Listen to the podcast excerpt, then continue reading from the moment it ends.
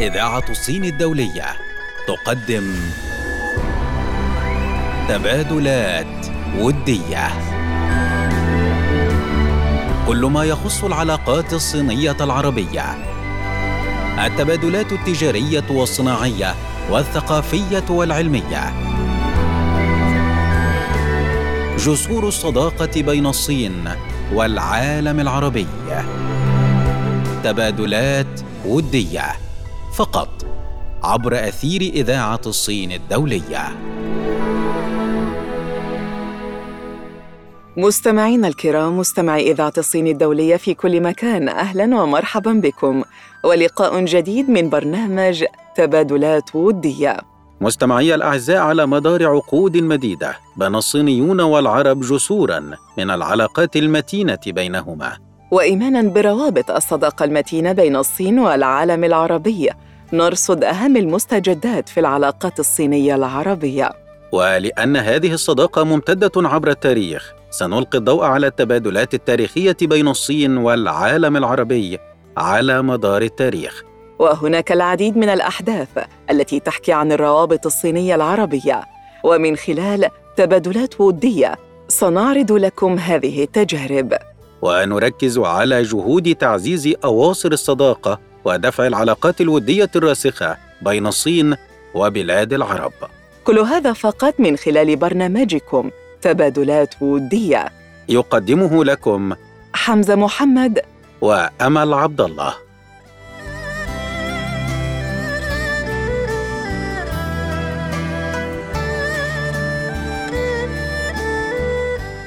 متابعينا الكرام مستمعي إذاعة الصين الدولية في كل أنحاء الوطن العربي. أهلا ومرحبا بكم وأولى فقرات برنامجكم تبادلات ودية. خلال هذه الفقرة نتناول معكم مستمعينا الأعزاء تبادلا وديا جديدا بين جمهورية الصين الشعبية وجمهورية مصر العربية في المجال الثقافي حيث أطلق المركز الثقافي الصيني بالعاصمة المصرية القاهرة مسابقة للإرشاد السياحي في الصين بعنوان أجمل فصول الصين الأربعة في عينيك. وقال المركز الثقافي الصيني في بيان لو سافرت إلى الصين سابقا أو كنت مقيما في الصين حاليا وإذا كنت من محبي السفر وترغب في مشاركة أجمل المناظر الطبيعية وتعريف التراث والآثار والثقافة الصينية المختلفة للجميع من خلال تسجيل فيديوهات الإرشاد السياحي لا تفوت فعاليات جمع أعمال الفيديوهات بعنوان أجمل فصول الصين الأربعة في عينيك. يحصل الفائزون بالمسابقة على شهادة موثقة من وزارة الثقافة والسياحة الصينية. ويتم ترويج الأعمال الفائزة على أهم المنصات الصينية والعالمية الرسمية والمتخصصة بحسب البيان. وتنقسم المسابقة إلى أربعة مراحل وهي جمع الأعمال المقدمة من المتسابقين المراجعة والتحكيم إعلان النتيجة والعرض عالمياً.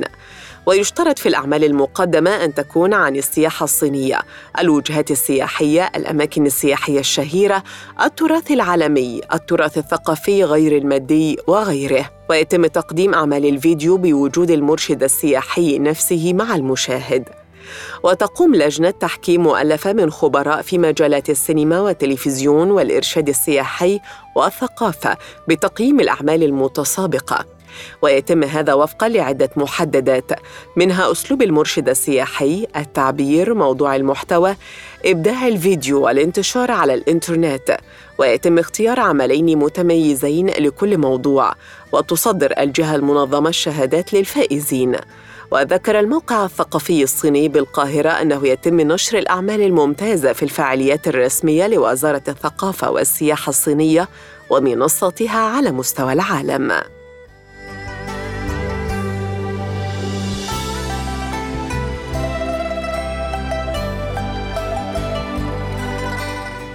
ننتقل معكم مستمعينا الأعزاء إلى تبادل ودي هام بين جمهورية الصين الشعبية وجامعة الدول العربية في المجال الصحي. بحث سعادة السفير الصيني لدى مصر لياو لي تشيانغ مع معالي الأمين العام المساعد لجامعة الدول العربية للشؤون الاجتماعية هيفاء أبو غزالة تعزيز التعاون المشترك في مكافحة جائحة فيروس كورونا الجديد. وقال الياو في بيان للسفارة الصينية إنه منذ تفشي فيروس كورونا الجديد وقفت الصين والدول العربية معا وساعدت بعضها البعض وأن الصداقة التقليدية بين الصين والدول العربية والشراكة الاستراتيجية الصينية العربية تتعمق وتتصاعد باستمرار. وأعرب عن استمرار الجانب الصيني في التعاون مع الجانب العربي لمكافحة الفيروس وذلك لبناء مجتمع صيني عربي ذي مستقبل مشترك ومجتمع صحي صيني عربي مشترك. وأكد سعادته ثقته الكاملة في الفوز بالمعركة الصعبة للوقاية من الأوبئة ومكافحتها وتقديم مساهمة أكبر للانتصار العالمي على الوباء في وقت مبكر. من جانبها عبرت هيفاء أبو غزالة عن شكرها للجانب الصيني على توفير عدد كبير من اللقاحات والمواد المضادة للوباء للدول العربية والشرق أوسطية. وقالت أبو غزالة إن الفيروس ما يزال مستشريا في جميع أنحاء العالم حيث أدى متحور أوميكرون إلى تفاقم التحدي المتمثل في الوقاية من الوباء. وأعربت عن تمسك جامعة الدول العربية بمواصلة العمل مع الجانب الصيني عن كثب للتعاون والتبادلات المشتركة لمكافحة الوباء. ويذكر أن الصين قدمت أكثر من 72 مليون جرعة من اللقاحات المضادة لفيروس كورونا والعديد من شحنات المستلزمات الطبية والوقائية إلى نحو 17 دولة عربية فضلاً عن الأمانة العامة لجامعة الدول العربية. وقامت الصين أيضا بإنتاج اللقاحات في عدد من الدول العربية من بينها مصر والجزائر والإمارات العربية المتحدة وذلك في مسعى حثيث للوقوف إلى جانب الدول العربية في مكافحة الجائحة. فاصل قصير مستمعي الكرام يعود بعده لكم الزميل حمزة محمد فكونوا معنا.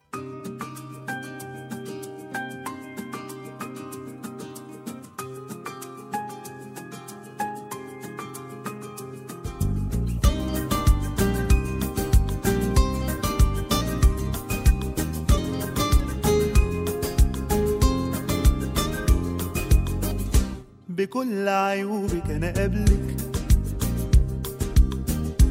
ده طبعي ومش هيتغير نصيبي وعامل إيه بحبك. أنا ما بقتش متخير ورغم إن أنت بياعة وبتحبي تعنديني زعلنا لو طول ساعة بلاقيكي وحشتيني.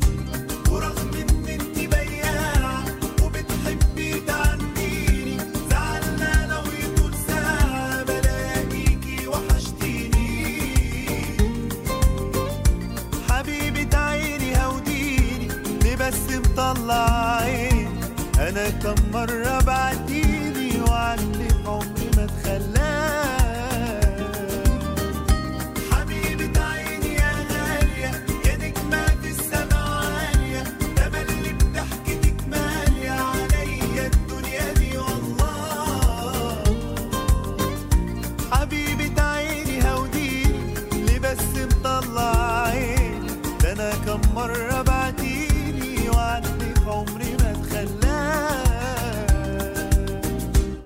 بكل عيوبك أنا قبلك. ده طبعي ومش هيتغير. نصيبي واعمل اللي بحبك أنا ما بقتش متخير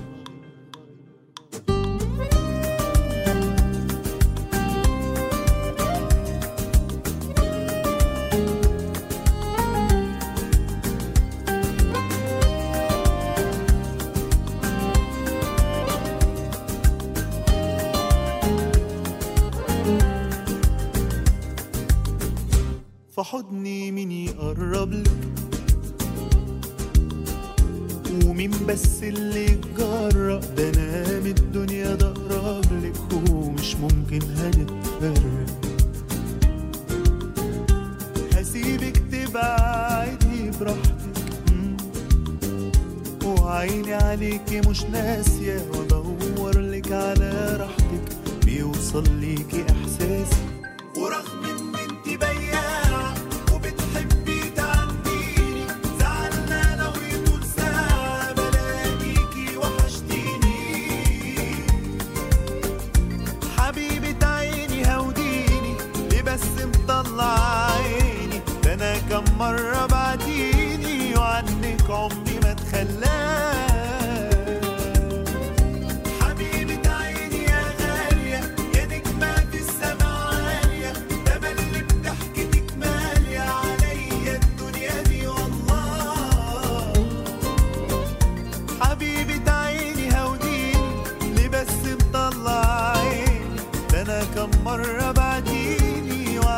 عمري ما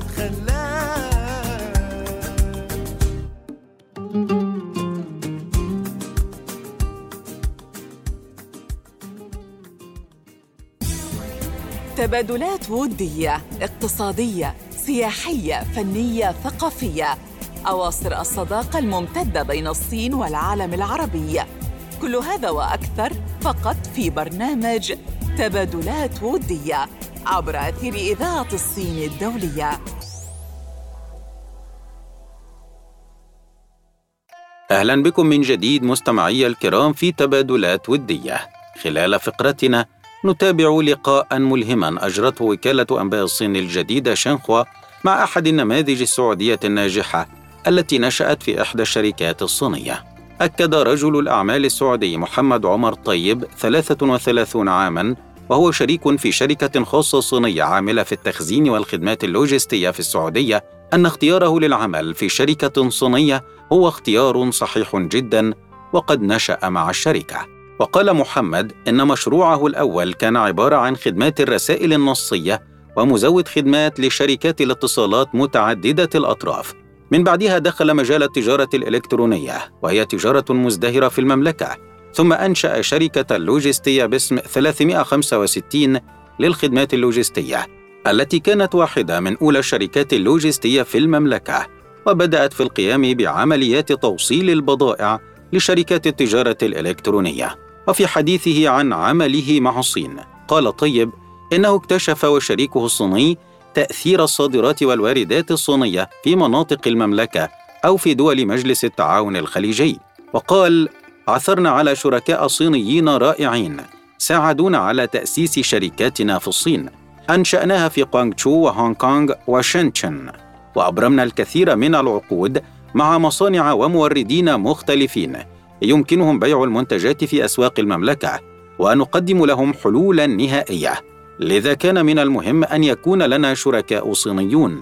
وأضاف قائلا أنشأنا أول شركة في الصين عام 2018 ومنذ هذا العام نتمتع بشراكتنا مع شركائنا الصينيين الذين يساعدوننا في جذب الكثير من الأعمال إلى المملكة من أجل تطوير التجارة الإلكترونية في العديد من الصناعات. وأوضح أنه في العام 2018 قام بإنشاء شركة في الصين مختصة في مجال البريد السريع والتعامل مع المراحل الأولية والنهائية المتعلقة بحلول التوصيل والتخليص الجمركي من جميع أنحاء العالم وخاصة من الصين حيث يتم من خلالها نقل البضائع إلى السعودية والبحرين وقطر والكويت والإمارات. وقال محمد إن شريكه في الصين يقوم بتقديم خدمات لصناعات متعددة. نستطيع أن نصف أعمالنا التجارية في الصين بالضخمة. نقوم بهذه الأعمال بأنفسنا وننشئ جميع الفروع في الشرق الأوسط وفي دول مجلس التعاون الخليجي والمساعدة الرئيسية التي نحصل عليها هي من شركائنا الصينيين للحصول على هذا الحجم من الأعمال.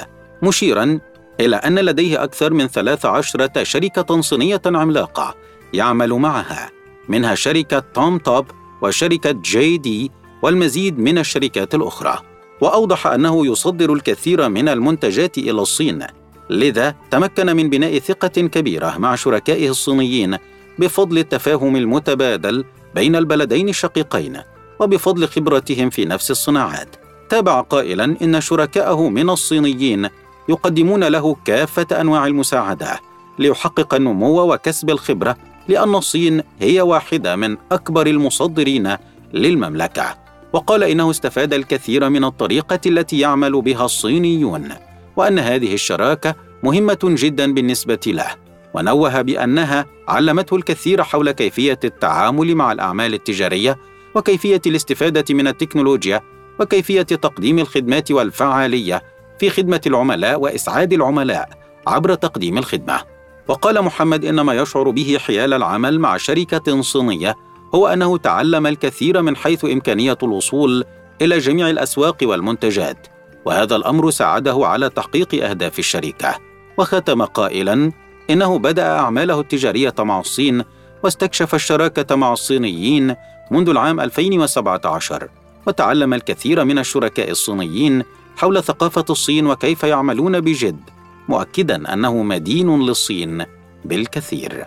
بهذا مستمعي الأعزاء وصلنا لختام فقرتنا. فاصل قصير تعود بعده أمل عبد الله بفقرة جديدة.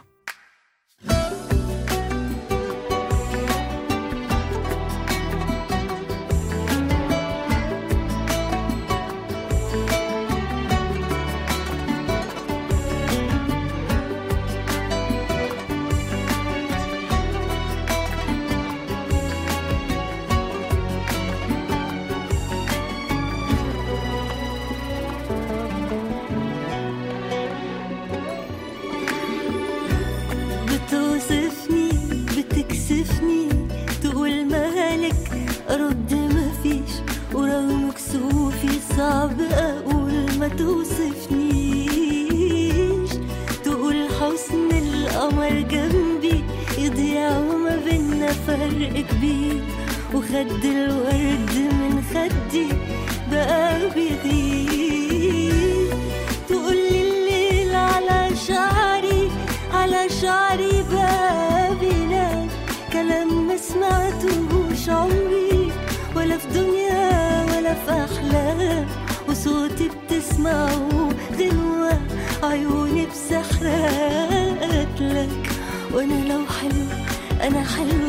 عشان وياك. تقولي الليل على شعري على شعري بينام كلام ما سمعتهوش عمري ولا في دنيا ولا في أحلام.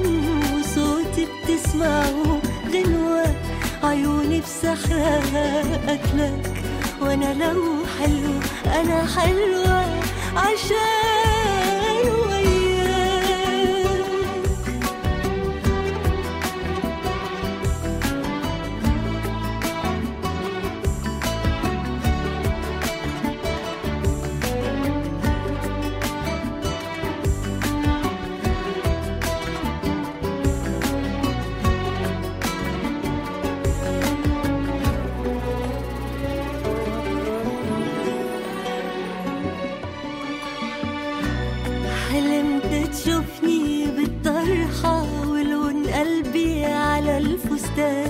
بجد هموت من الفرحة.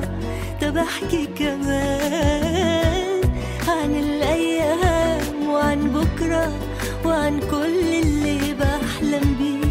وبيت فوق السحاب نبني ونسكن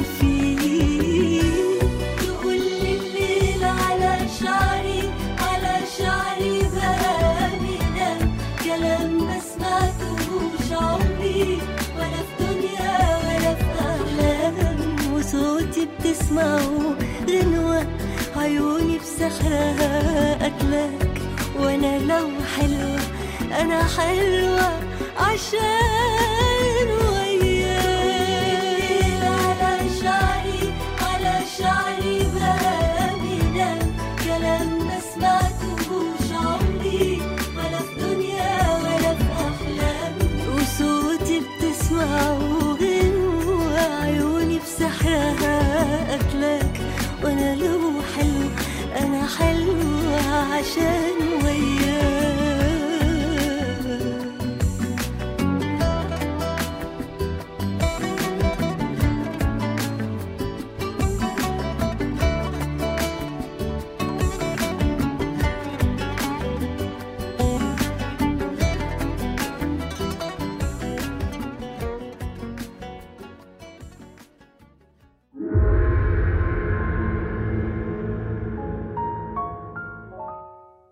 أحد منا يمكن أن يحقق النجاح بأن يعمل وحده. نيلسون مانديلا.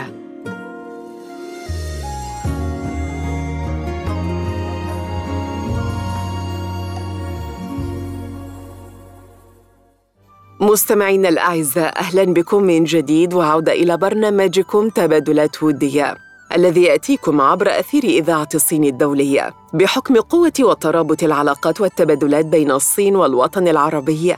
كان هناك العديد من الأشخاص العرب الذين كانت لهم تجارب مختلفة في جمهورية الصين الشعبية وأيضاً العديد من الصينيين الذين كانت لهم تجارب مختلفة في البلاد العربية اختلفت هذه التجارب الشخصية وتنوعت فمنها الاقتصادية والاجتماعية والفنية والثقافية والفكرية والعلمية. ولكن جميعها تدل على الأفاق المفتوحة والعلاقات القوية بين جمهورية الصين الشعبية والوطن العربي بشكل عام. ونحن معكم الآن وفقرة حكايات من الشرق وفيها نتعرف على تجربة الطالب الجزائري مولود شعور مع اللغة الصينية. يقول شعور رحلتي مع اللغة الصينية انطلقت عام 2016 عندما تحصلت على البكالوريا. حيث اصطحبني أحد أصدقائي لحضور معرض للاحتفال باليوم الوطني الصيني نظم بجامعة بوزريعة. حينها انبهرت بثراء ثقافة هذا البلد وقررت الغوص في ثقافته وشرعت في تعلم لغته في المكتبات وعبر الإنترنت. لقد تعلمت اللغة الصينية بدون أي مساعدة وأضاف شعور قائلاً بعدها نظمت السفارة الصينية لدى الجزائر مسابقة حول اللغة الصينية. شارك فيها منافسون من كل ولايات الجزائر وتحصلت فيها على المرتبة الأولى وتفوقت حتى على من كانوا يتلقون دروسا في المعاهد. وتابع قائلا كنت أخصص عشر ساعات يوميا لتعلم اللغة الصينية في المكتبات. وعقب فوزي في المسابقة حصلت على منحة للمشاركة في مسابقة بالصين بعنوان جسر الصين. شارك فيها منافسون من 150 دولة. يقول شعور لم أكن من الأوائل في تلك المسابقة لأن الجميع درسوا الصينية منذ الصغر. لكني تحصلت على منحة لدراسة اللغة بالصين لمدة ستة أشهر. ثم على منحة جامعية للحصول على شهادة الليسانس. وأنا الآن أواصل دراستي هناك في هذه البلد المتطورة الملهمة. وقد استفدت الكثير مباشرة في السنة الثانية لي بالجامعة. والحمد لله نتائجي ممتازة. وأردف شعور قائلاً إن تعلم الصينية ليس أمرا صعبا ولكن في الوقت نفسه ليس سهلا. أعتقد أن المسألة تتعلق فقط بتعلم لغة مختلفة عن اللغات اللاتينية التي تعودنا تعلمها كالفرنسية والإنجليزية وغيرهما لأن اللغات الآسيوية ليست لها حروف إنما لها نغمات. في النهاية قال شعور. هناك دوافع كثيرة لدى الإنسان ليتعلم الصينية. وكل إنسان عليه أن يبحث عن دافعه الشخصي لتعلمها ويجده. وأنا تعلمتها من باب حبي لاكتشاف الصين الرائعة بعد أن أبهرتني وأدهشتني الثقافة الصينية. فاصل قصير مستمعي الكرام يعود بعده لكم الزميل حمزة محمد. فكونوا معنا.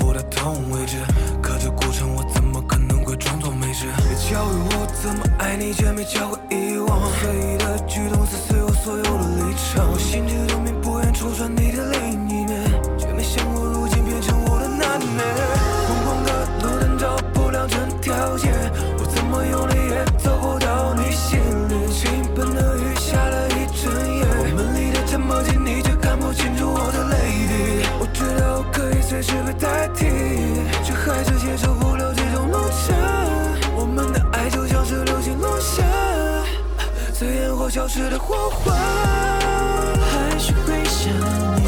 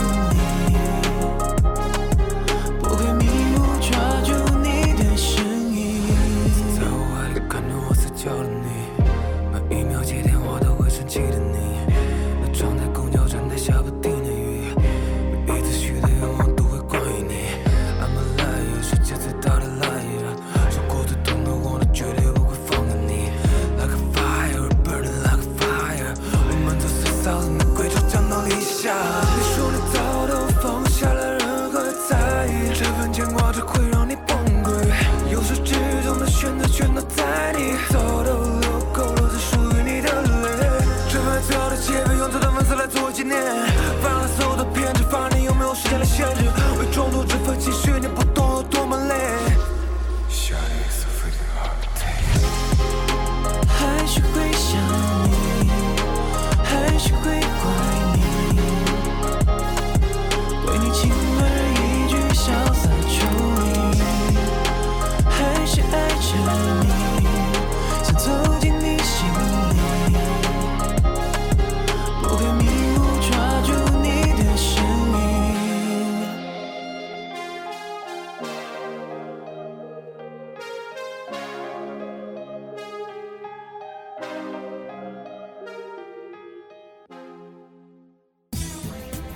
حكايات شرقية بألسنة عربية فقط على إذاعة الصين الدولية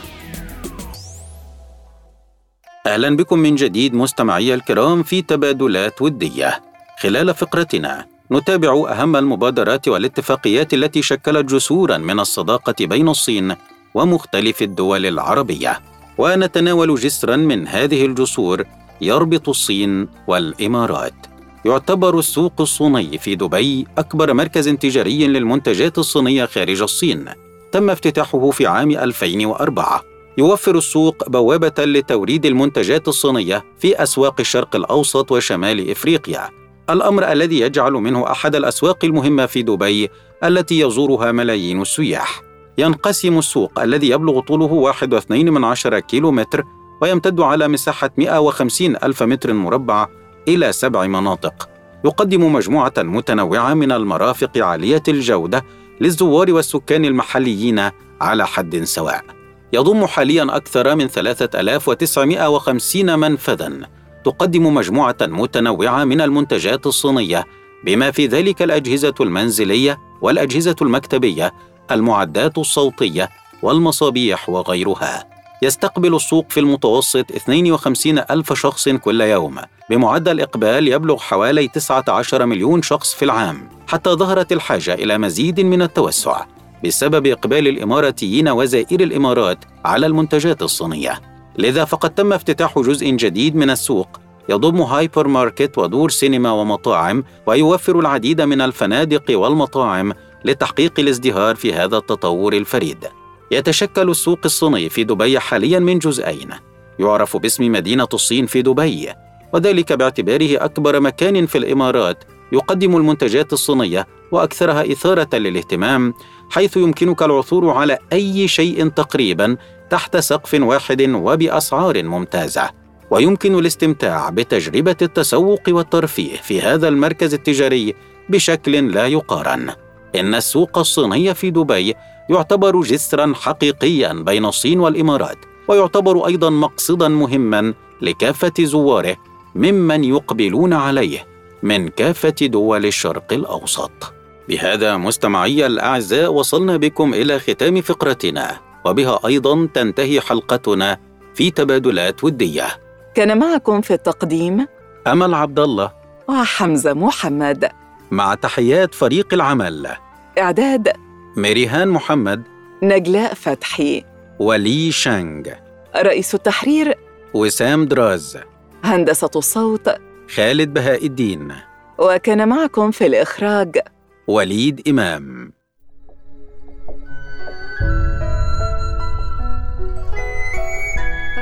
تبادلات ودية.